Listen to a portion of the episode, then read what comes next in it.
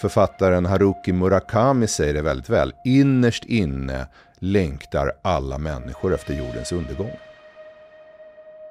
Man kan ju samma andetag vilja vara väldigt nära någon samtidigt som man vill vara fri och vara för sig själv. Det finns liksom både och är närvarande hela tiden, den här motsättningen. Vi vill både ha bekvämlighet och det bekanta, men vi vill också bli utmanade och upphetsade. Man, nästan i allt man gör är man väldigt motsägelsefull egentligen. Here is to the people who make the crazy ones get out of bed. Vi är jätteglada över att ha Adrigo, fondförvaltare och presentatör den här säsongen av Gradvalla Magnus. Tusen tack till Adrigo.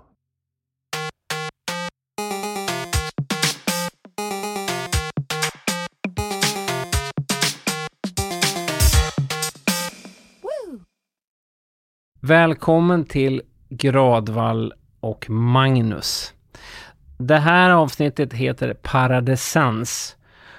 Och det handlar om att det finns en paradox inbyggd i allt som vi människor älskar, uppskattar eller dras till. Det väljer vi att kalla för paradesans. Varför då, Magnus? Kaffe fyller en väldigt viktig roll i människors liv. Liksom kaffepausen. Det innehåller en paradox. Det är både kaffein, stimulans, uppåttjack Men det är också rast, paus och vila. Så uppåttjack och vila, paradox. Glass. Glass handlar för väldigt många människor om barndom och det görs ofta på mjölk och is. Oskuldsfullhet.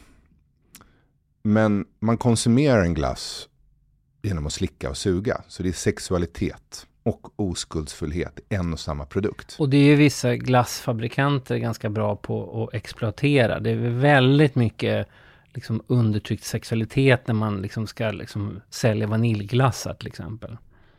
Sociala medier gör det möjligt att vara ensamma tillsammans. En paradox.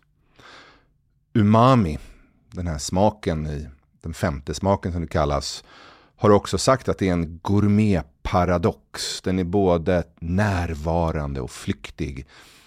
Så vi kan göra en lång lista på när paradoxer gör sig påminda om man tänker på det, men hur det framförallt skapar extra starka band. Och det kan man se då i glass, kaffe, saker vi äter, mm. men även i musik. Och helt enkelt att det är paradoxen som är essensen av någonting. Exakt.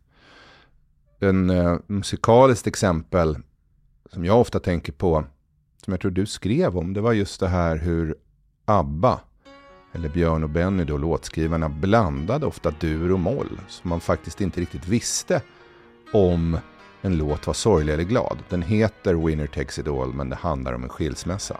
Det är nästan det som är det mest utmärkande för svensk pop. Dels har jag skrivit och pratat om det, men jag har otroligt många gånger intervjuats av utländska journalister som kommer så vad är det svenska popundret?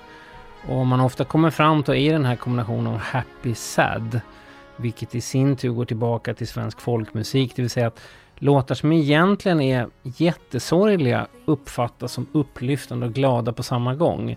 Dancing Queen vill man ju både gråta och skratta när man hör för att den liksom fångar både och. Och det går nästan igenom i all svensk popmusik, att det, det, är den här motsatsen, den här paradoxen mellan det melankoliska och det euforiska. Robins Dancing on my own, en fantastisk uppbeat-dänga som får upp folk på dansgolvet. Men det handlar om en människa som sannolikt har blivit lämnad och står och dansar ensam för sig själv.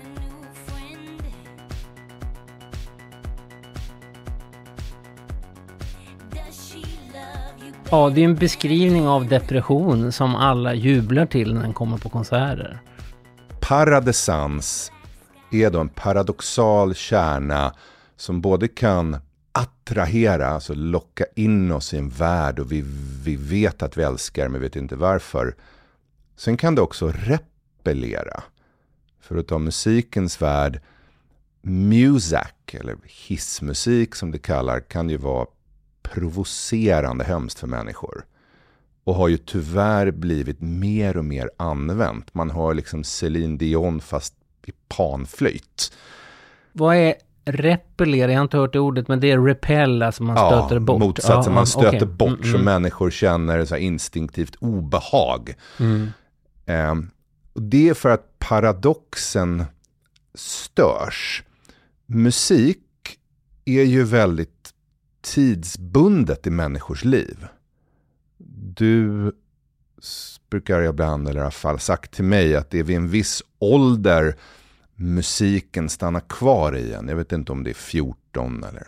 Jag tror jag brukar dra till med någonting, typ att när man frågar folk det som vad deras favoritmusik är, ännu mer vad är den bästa konsert de har sett, så svarar nästan alla omedvetet någonting mellan åldern 15 och 25. För det är ju då man är som mest närvarande, man har lagt ner väldigt mycket tid för att få den här biljetten.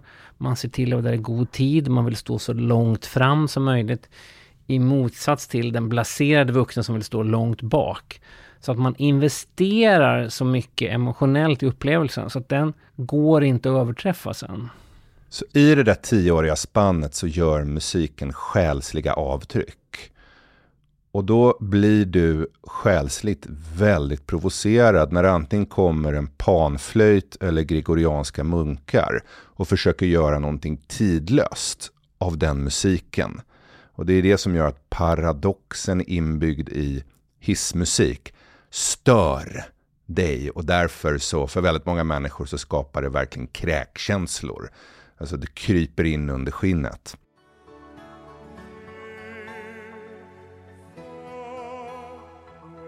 Så jag tänkte att vi i det här avsnittet kunde utforska paradoxer, eh, paradoxala förhållanden. Vi behöver inte kanske grotta så mycket mer i kaffe och glass, men hur, alltså i både texter och i konstnärliga yttringar och, och kanske, alltså inte minst partnerskap. Mm. Kreativa partnerskap som är liksom, där motsättningar har, har eh, visat sig vara väldigt effektiva. Det finns ju, nu har det råkat bli väldigt mycket musikreferenser hittills, men ni får stå ut med några till. Jag tänkte på Billie Eilish, som eh, vi, eller ofta jag, inte kan låta bli att nämna. Men där är det så tydligt, det är ju egentligen, Billie Eilish är ju en duo. Det är Billie Eilish och hennes storebror då Finnes. Men de väljer att det är Billie Eilish som är den synliga och han som är den osynliga. Det är ju en paradox där. Men i den här dokumentären som kom nyligen så framstår det väldigt mycket att det är de tillsammans som gör det. Det är inte den här chauvinistiska bilden av som ofta är då att det finns ett manligt geni och som då har en kvinnlig musa bakom. Det är absolut inte så. Utan det är deras syskonförhållande är absolut jämlikt. Och det är det som är det geniala med Billie Eilish, är den här paradoxen mellan de två syskonen.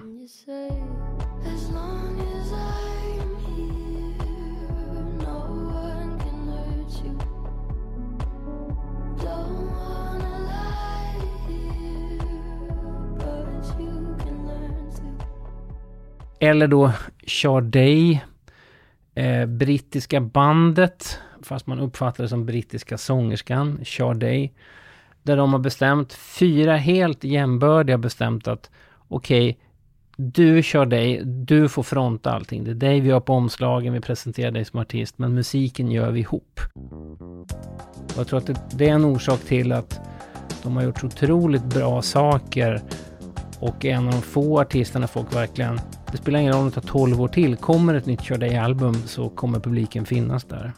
Man skulle kunna tänka ungefär som ett isberg. Att det finns en liten synlig topp som är Billie Eilish eller Sade, sångerskan. Men sen finns det en mycket större osynlig del under ytan. Mm. Och det kan handla om Phineas då, Billie Eilish bror eller ett band eller för att ta ett näringslivsexempel. Warren Buffett som länge kallades för världens mest framgångsrika och rika investerare har ju egentligen som viskare Charlie Munger. Så allt intelligent och smart Warren Buffett säger är det egentligen Charlie Munger som har tänkt ut och artikulerat. Eh, jag tror Warren Buffett själv sa det att det är jag som rör på munnen men det är Charlie Munger som talar. Det är väldigt fint att man tycker att um, Warren Buffett är alltså Billie Eilish. Och Charlie Munger är Finnes, hennes bror. Just det, exakt så. Ehm, jag vet att Petra Mede, när hon ehm, var programledare för Eurovision Song Contest, så sa hon att jag är i den här rollen helt beroende av Edvard af Sillén som skrev alla manus och kom på alla skämten. Så, och, och, när det fungerar som bäst så blir det ett isberg. Det blir någonting ståtligt och fantastiskt ovanför mm, ytan mm. som vi tittar på. Men under så finns det en, en, en köl. Jag har bevittnat, jag har jobbat med dem, Petra Med och Edvard af Sillén. Det är verkligen en så här, ja men att de tillsammans gör det där. Rollen är ju då att Edvard hjälper till med manus, men det är ju leveransen är ju en så viktig del av det. Så att de känner varandra så väl. Så att det som kommer utåt återigen kan jämföras med, faktiskt med, med, med Billie Eilish. Att man, det verkar självklart men det finns enormt mycket arbete, erfarenhet bakom. Väldigt länge så jobbade man inte med writers rooms i Sverige när man skrev tv-filmer och draman. Här skulle det bokstavligen vara en person. Eller kanske ibland två. Det som i franska kallas för auteur-teorin. Det ska det ska liksom vara ett geni, en Ingmar Bergman typ som har gjort allting. Medan i USA så började man för flera decennier sedan och bokstavligen sätta en massa dropouts från oftast Harvard och Yale, Princeton, elitskolor. Som var misantropiska, väldigt snabba, ofta lite introverta. Och så kunde de sitta sju, åtta personer i ett rum och brainstorma fram sketcher i Simpsons, Family Guy med flera. Mm. Särskilt de Simpsons är verkligen så att det, det är sådana här som antingen blir de kärnfysiker eller så blir de manusförfattare till Simpsons. Ja, verkligen. Kärnfysiker eller manusförfattare. Jag tänker på, man har sagt det ganska ofta, men det kanske tåls att upprepas att vi har verkligen gått ifrån geniteorin, att, att en person ska göra till att det liksom är, som, som på engelska så säger man from, from genius to genius. Att geniet finns utspritt över flera människor. Det är nästan som en sån här ämnen. Det är bara när man sätter ihop dem det händer saker. Som enskilda individer händer det inte särskilt mycket. Men Jag tänkte, det är en annan paradesens i det här att eh, en kombination av två motsatta saker, det vill säga smart, dum, kombination av smart dum finns ju väldigt mycket i populärkultur. Simpsons till exempel som är då gula tecknade gubbar kan ju inte vara smart. Jo, det är oändligt mycket smartare än det mesta andra. Det finns där, jag tänkte på Marilyn Monroe. En väldigt, som verkar vara en väldigt smart person men som presenterar sig som dum blondin. Det är hennes framtoning. ACDC, där då bröderna Malcolm och Angus Young få riffen att låta som att det är någon från Grottbjörnens folk som har liksom slagit fram dem på någon, med någon pinne. Men i själva verket är det liksom då smartare än 90% som, som går ut handel skulle jag vilja säga. För att det är fruktansvärt mycket arbete och smart gjort bakom de här till synes dumma ACDC-riffen. Och jag tror det där gamla fördomar om hur saker är, bara för att fortsätta i hårdrocksspåret. Jag vet ju A Perfect Circle, som inte har nått samma framgångar som ACDC. Och är lite så här musikerband, de gillar att spela instrument på svåra sätt. Men de har ju bland annat gjort en låt där rytmen är komponerad enligt Fibonacci-sekvensen. Som är en väldigt känd matematisk formel.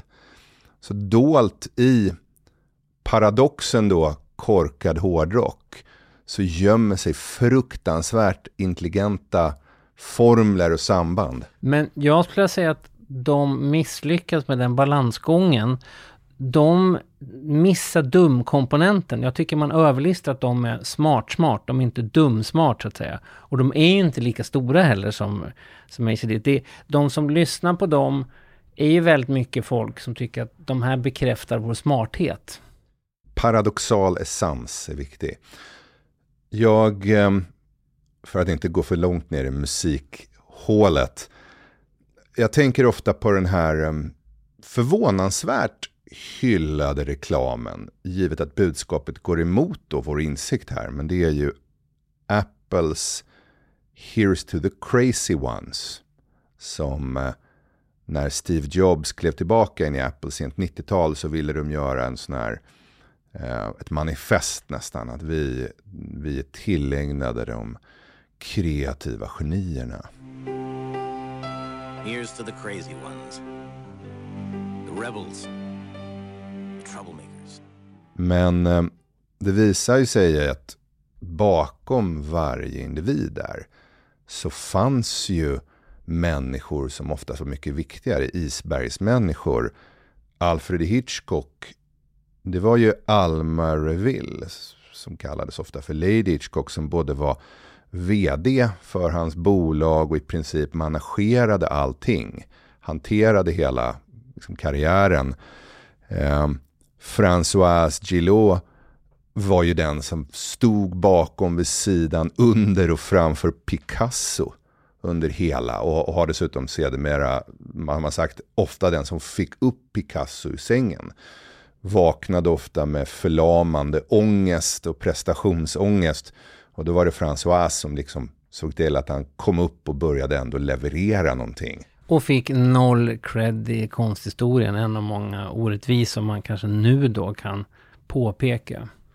Och det är då man tänker att, att um, istället för att den ska heta Here's to the crazy ones så ska man ska säga Here is to the people who make the crazy ones get out of bed. Exakt, en mycket sämre slogan men en bättre spegling av, av verkligheten. På akademiskt språk heter sådana här um, Phineas, Billie Eilish relationer dyader. Warren Buffett, Charlie Munger. Och urdyaden är, eh, måste man kanske ändå säga, är John Lennon och Paul McCartney.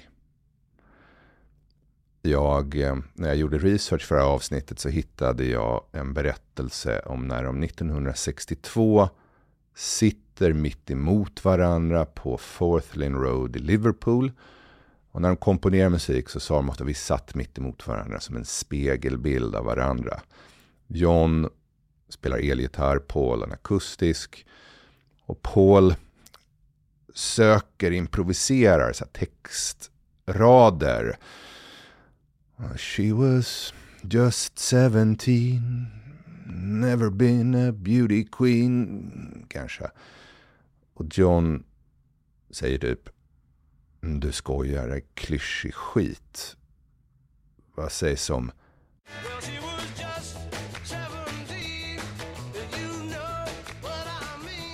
Så gifter liksom ihop synd och oskuld, apropå paradesanser.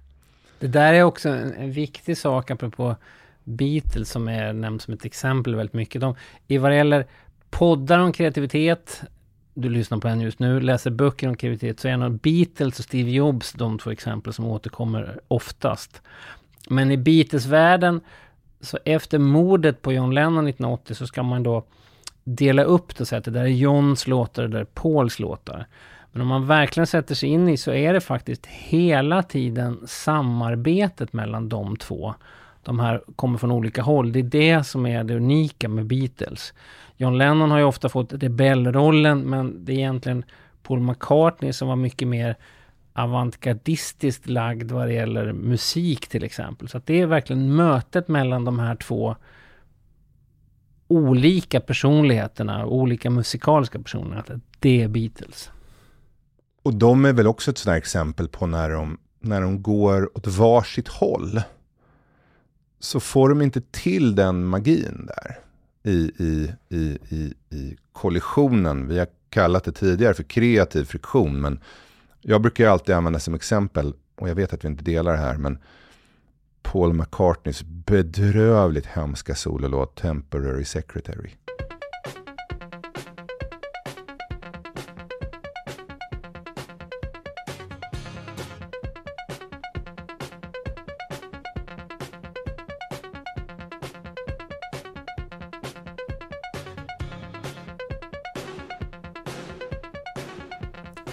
Som, som, som jag tycker, jag förstår att man tycker den är hemsk. Den har faktiskt fått en sån här hipster-renässans för att Mark Ronson, en av de kollar, han älskar den. Det är ju när Paul McCartney skulle ge sig in i syntvärlden. Jag förstår verkligen att man tycker att den är bedrövlig, men jag gillar den.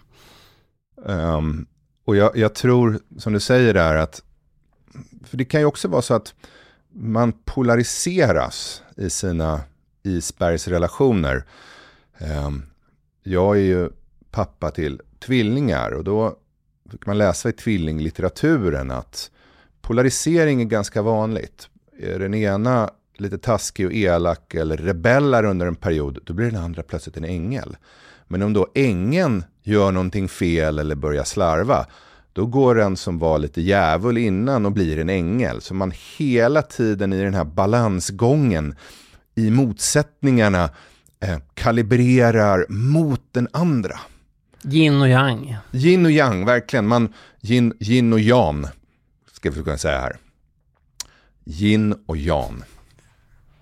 Um, så, som, så det är egentligen den andras beteende som betingar hur jag beter mig i den här delen. Mm. Um, och det... Nej, men jag, jag bara tänkte på, det finns ju också en annan paradox i den här kombinationen av råhet och finsnickeri eller fulhet och skönhet. Ditt utmärkta exempel med den här när John Lennon, han gör ju så att säga låttexten fräckare, fulare med det där tillägget. Och det är också väldigt viktigt, för det blir ju väldigt tråkigt när det bara någonting är vackert, vackert istället för fulsnyggt. Det är väl det liksom konstnären Adolf Hitler aldrig fattade, för han tyckte att vänta nu, här har jag målat eh, hus bättre än andra. Min, min hjort ser jättefin ut och ändå kommer jag inte in på konst, liksom studier. Så att Hitler som den misslyckade konstnären är en ganska viktig förståelse för uppkomsten av, av världskrigen faktiskt. Men det som gör int konst intressant är ju ofta att det finns, man adderar någonting som är, ger friktion, eh, som gör att det sticker iväg, som kanske då är det så att säga fula i. Det är det som gör det intressant. Det gäller all form av skapande. Förmågan att se det, det fula, det konstiga, det avvikande, länge pratade man om att grunden till skönhet var symmetri. Men det har ju visat sig att konsten som överlever länge saknar ibland symmetri utan har snarare då den här lite störande blandningen, en androgynitet. Nu är det ett så uttjatat verk, men Mona Lisa är en man, är en kvinna, ler hen eller inte. Den dialektiken gör ju att man blir så här, vad är det som händer här? Och att avsiktligt förfula någonting, skulle jag säga, det är ju någon slags kreativ äh, mästargren. Mm. Att förstå att det här är just nu lite för städat och ordnat. Vi behöver föra in störande element som förhöjer det vi vill lyfta fram. Um, jag vet och det kanske inte ska räknas som konst, men när um, teknologitidningen Wired gjorde om sina omslag, de kom från ett 90-tal där de bara hade ett grafiskt gytter. Det såg liksom, det hände grejer, det smällde, det var färg och form. Det såg, surfade farligt nära ett, ett uh, fanzine för nördar. Och då tänkte de, nej, nu går det bättre och mm, teknik och teknologi börjar bli stort och mainstream. Vi ska göra någonting som är mycket mer clean.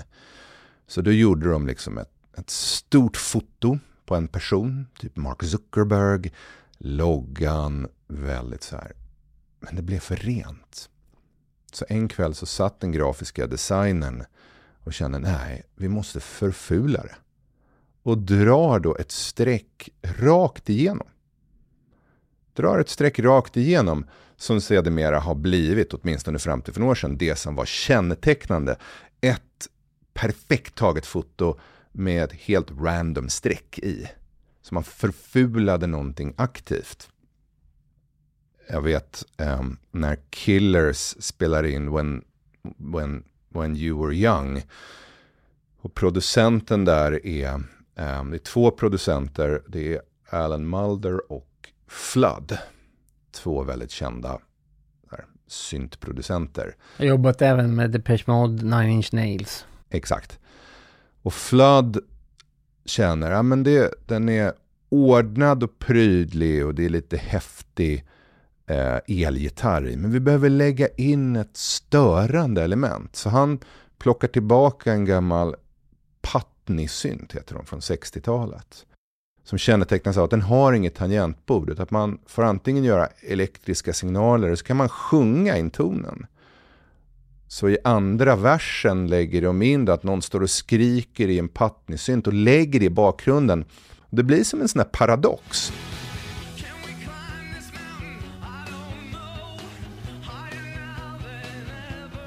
Man hör någonting, man känner något, men man vet inte exakt vad det är. Men det är sannolikt det ordnade mot det kaotiska, det lite vackra mot det ganska fula. Det är en annan, jag tänkte på det här med, om man ska lägga en så här psykoanalytisk dimension på det hela. Eh, att man kan ju samma andetag vilja vara väldigt nära någon samtidigt som man vill vara fri och vara för sig själv. Det finns liksom både och är närvarande hela tiden, den här motsättningen. Groucho Marx, ett av hans mest kända stater, är det att jag skulle aldrig vilja vara med i en klubb som accepterar mig som medlem. Men det, det, fin, det finns där också att man, man, nästan i allt man gör är man väldigt motsägelsefull egentligen. Men jag tänker ofta på textraden i Wuthering Heights. I hated you, I loved you too. Och det är verkligen starka relationers kännetecken. Så jag älskar verkligen dig och vill vara nära. Men fan, jag hatar dig också och vill vara fri ifrån dig. Mm. Um, och de, den typen, jag hatar dig fullt av jag älskar dig. Det finns ju oändliga varianter på det, från då romaner som det är från början. Eh, poplåtar alltihopa. Den här dualiteten mellan jag älskar dig och hatar dig. Och man kan faktiskt mena båda två samtidigt. Och det är när man menar båda två samtidigt, ful, snygg, älska, hata, som du får den här beroendeframkallande paradoxala essensen. Men om vi går tillbaka till liksom, ointressanta konstverk, nazistiska eller ej, så det är ofta det man har plockat bort. Här är en solnedgång, här är en delfin i motljus. Här är väggord. Och det blir bara helt fruktansvärt. Det är mm. alltså bokstavligt visuella motsvarigheten till Muzak.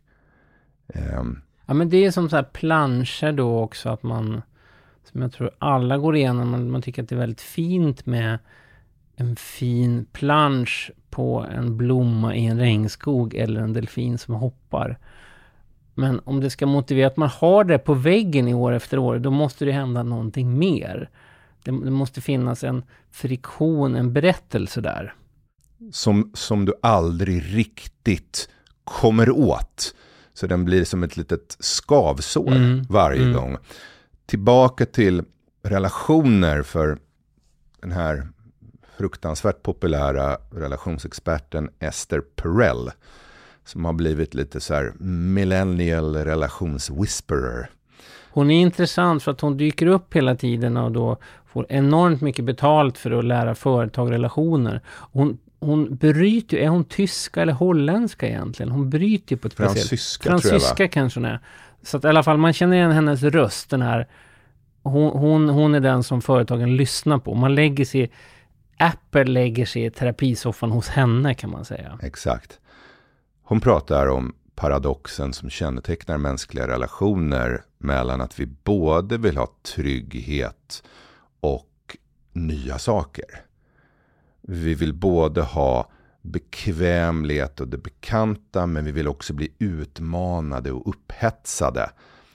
Och långsiktiga relationer som varar länge måste hela tiden förhandla om det här. Alltså nu är det för mycket åt den ena sidan, för mycket åt den andra. Jag minns en självhjälpskurs jag gick på en gång, jag skäms nästan att säga det, men då pratar de om att balans tittar man på en sån här trapetsartist som har en så stång så är balans konstanta rörelser. Det är väldigt intressant. Ja, men vi tror att balans är någonting statiskt. Men tittar man på en sån här som går på lina med en stor balanspinne så rör de sig konstant. Och saktar man ner i slow motion så ser man att de rör sig ännu mer än vad ögat upptäcker. På samma sätt i den här relationen här nu är det tryckt tråkig campingvagn med samma parmiddag igen på Öland. Helvete, jag vill. Men å andra sidan, nej, fan, nu har det varit grismask, sex eh, och swinging för länge. Jag saknar kampen på Böda Sand. Så den här svängningarna mellan det. Och jag tror det var det jag kanske inte riktigt kom åt när vi gjorde ett avsnitt om kreativ friktion, men som vi är på nu. Att det är en otroligt stor dynamik. Och det kanske är fel metafor med ett isberg, för isberg känns liksom stort statiskt, utan det här är en, en otroligt dynamisk balansgång hela tiden drar du det så att det blir för fult, att du bara står och skriker i en pattnysynt, och blir olyssningsbart. Och drar du för mycket åt det andra hållet så blir det gregorianska munkar som sjunger My heart will go on. Vad jag kommer ta med mig nu verkligen, det är den här bilden som du sa nu om den här gå på lina, att det egentligen konstant, eller det är resultatet av att man klarar balansen, inte konstant rörelser egentligen. Där finns det ju också en paradox, när man tittar på någon som går på lina, så tycker man ju åh vad vackert vad människan klarar. Men man tycker också att det vore lite kul om personen ramlade ner.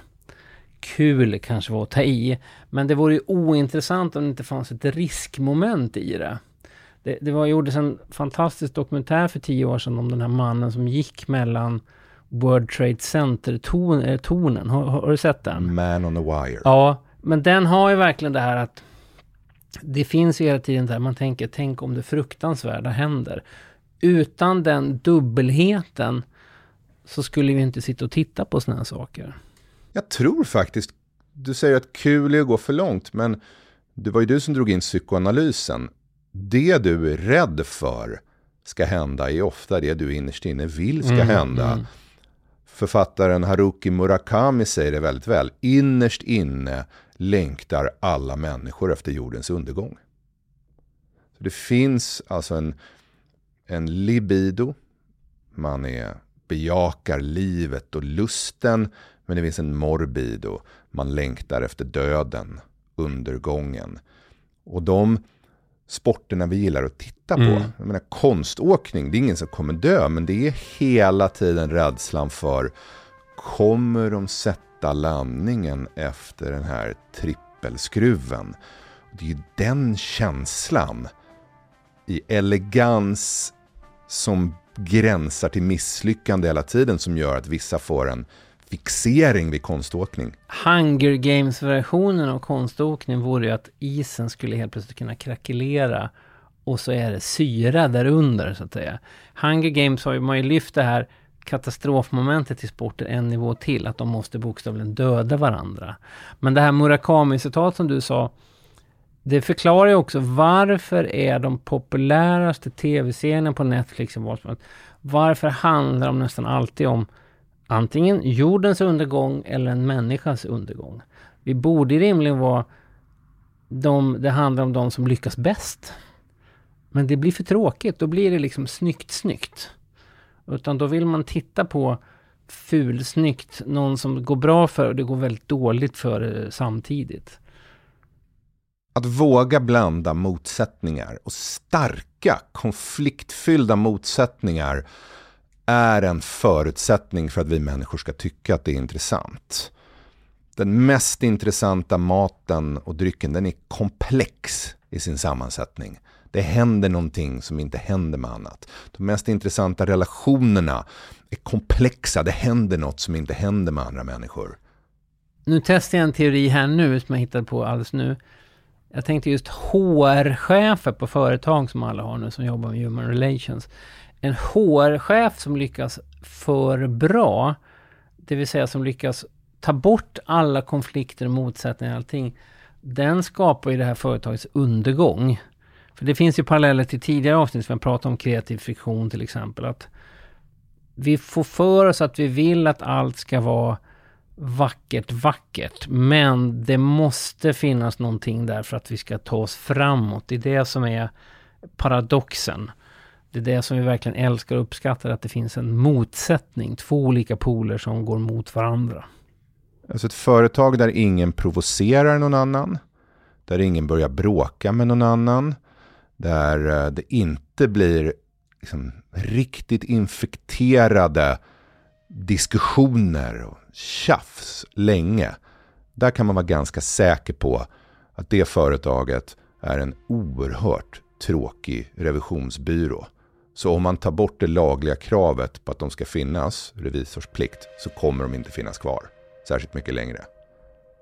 Och här finns, för att avsluta, en annan paradox. Vi skulle kunna prata om det här en timme till. Men paradoxalt nog så är det ett ganska bra slutord för det här avsnittet. Så att tack för oss och nu lämnar vi över till vår sponsor Staffan Östlin på Adrigo.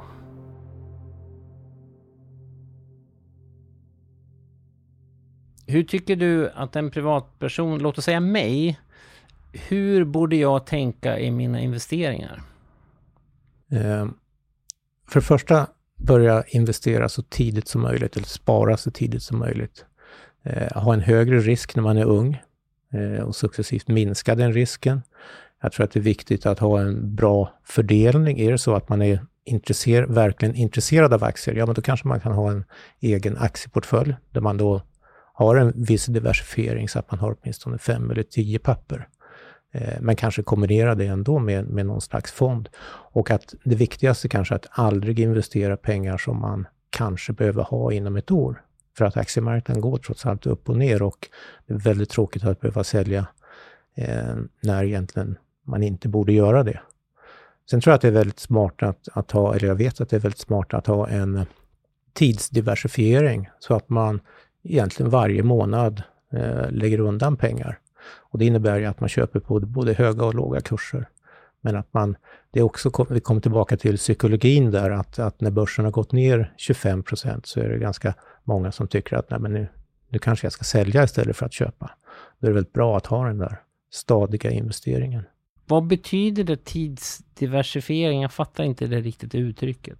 Det betyder egentligen att man, man köper varje månad kan vi säga, eller varje kvartal. Så att man, man varje, då har man en, en, en summa som man köper aktier för. Och därmed sker ju en successiv förändring så att säga. Ja, ja. det innebär att du, får, du kommer in både på låga och höga kurser. Mm. Det så att du minskar ju, risken. Mm. Det låter ju också som, om jag då väljer enskilda aktier istället för en fond, då måste jag verkligen veta vad som gäller. Absolut. Och där också, även där tror jag att det är viktigt att eh, jobba med tidsdiversifiering där också. kan vara en smart sak.